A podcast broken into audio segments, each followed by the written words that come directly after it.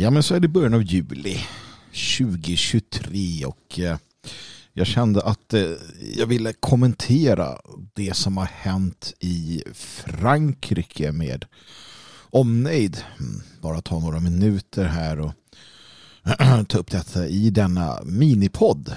Det här är ju inte en ordinarie eh, vid här utan som sagt en, en minipodd som som kommer upp då och då när det finns, eh, det finns något att säga. Och eh, ja, det är den fjärde juli idag och om jag tittar på nyheterna som dyker upp så verkar det ha avstannat allting.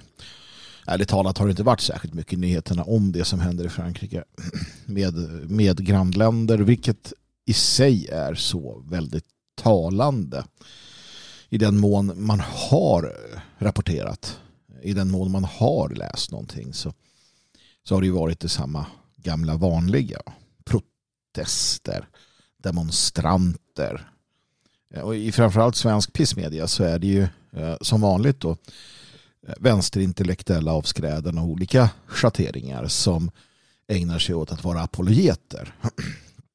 Och det här är inte ovanligt historiskt sett heller att just vänsterliberal av olika slag ägnar sin tid framför allt åt att ursäkta beteenden från kriminella, från gangsters, från, Ehm, från den här typen av, av patrask eh, som det faktiskt handlar om.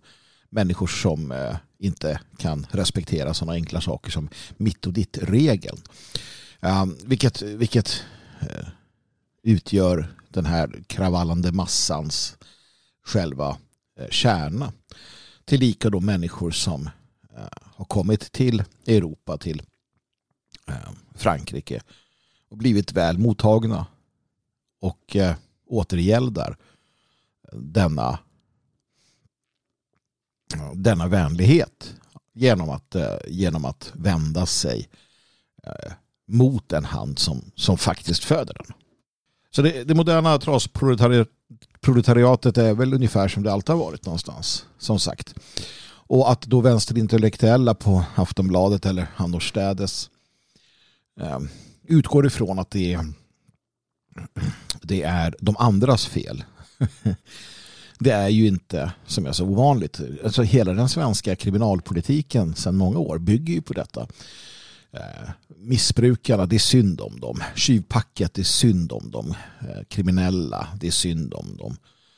De har inte haft Eh, alla chanser som de laglydiga har haft.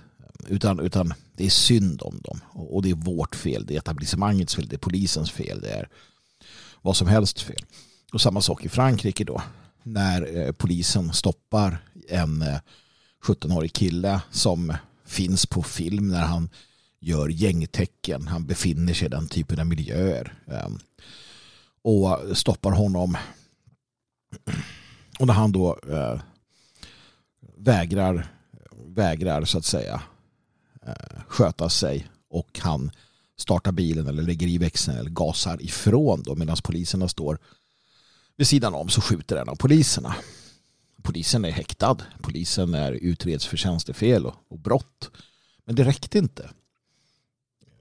Jag kan personligen sådär någonstans. Alltså det är svårt, det är svårt idag med anarkotyranniet som råder och så. Men ändå är det ju så att um, om vi har kommit överens om att vi har en, en ordning i, i eh, landet med, eh, med eh, polisen med våldsmonopol och allt vad det nu kan vara. Vi kan tycka vad vi vill om det men vi, vi, jag tar inte upp det idag utan idag får jag nog hålla mig till saken som ligger på bordet.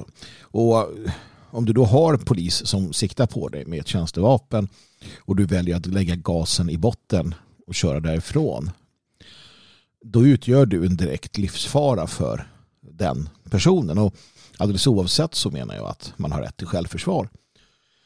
Ehm, om någon siktar på dig med ett vapen, framförallt om det är en polis eh, under den här typen av omständigheter så är det bästa du kan göra att lyda ehm, inte att åka därifrån.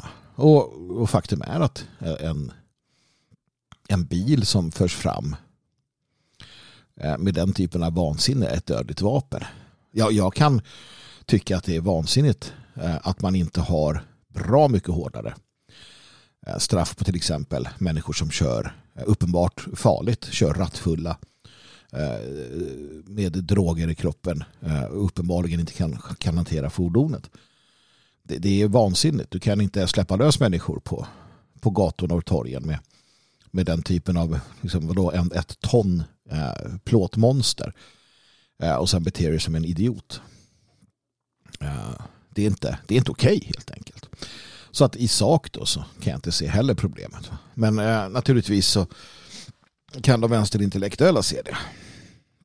Och problemet är då att det här var en icke vit, en, eh, en förortsunge. Um, och de kommer undan. Uh, de kommer undan med allt. Uh, de kan, de kan åta sig, jag såg senast nu i svensk media här hur man skrev om någon, någon ung, ung kille som hade fått något mordkontrakt när han var 14.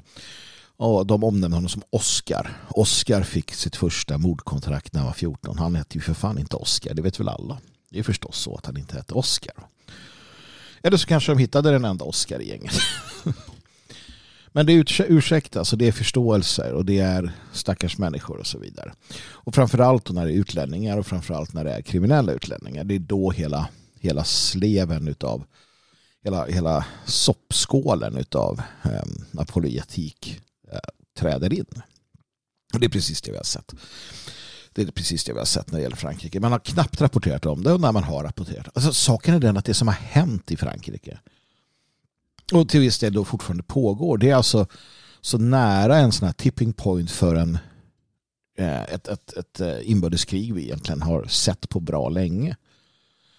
När du ser demonstranter, horder av människor svartklädda ehm, uppenbart redo för att ehm, gå till attack. Och du ser att de har eh, olika typer av, av handeldvapen. Som vi har sett. Vi har sett eh, demonstranter med beväpnade med, med, med pistoler, med eh, hagelgevär och så vidare. och så vidare. Jag såg någon som låg som någon jävla krypskytt på ett tak och eh, siktade på omgivningen och så vidare.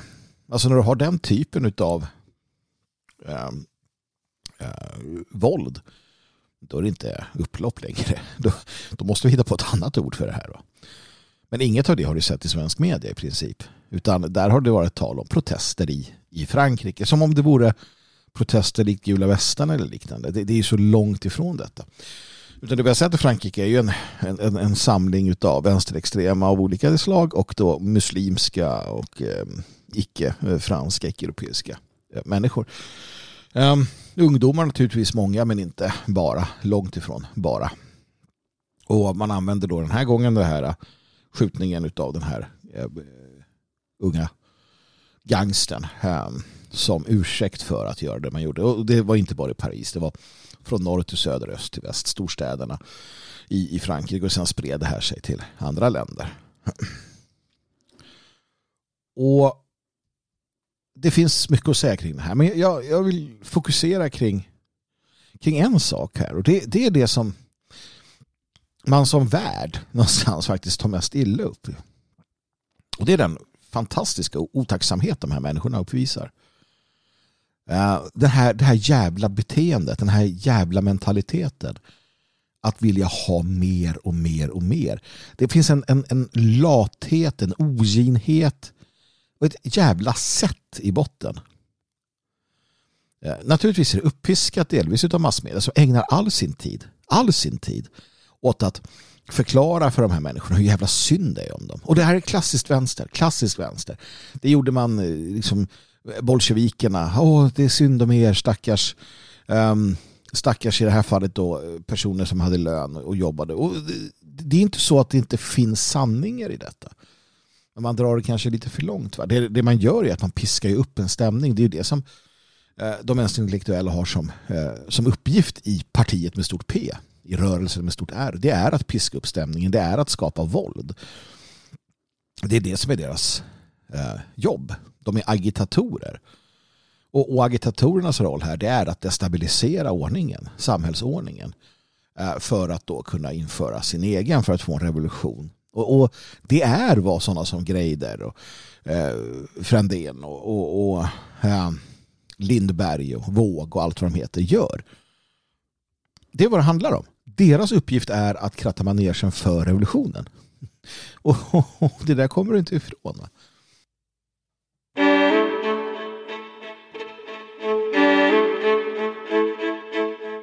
Ja, där var det slut på smakprovet av den här minipodden av Vid härden. Och om du vill lyssna på hela så är du varmt välkommen att bli prenumerant. Det gör ju så att eh, jag kan arbeta med det här och eh, göra det bättre helt enkelt. Tid är pengar, tyvärr kan man nog säga. Men eh, Vid härden är ju en pott som kommer med jämna mellanrum och jag hoppas att du tycker att det är så pass intressant att du blir prenumerant. Och det blir du på www.härden.nu.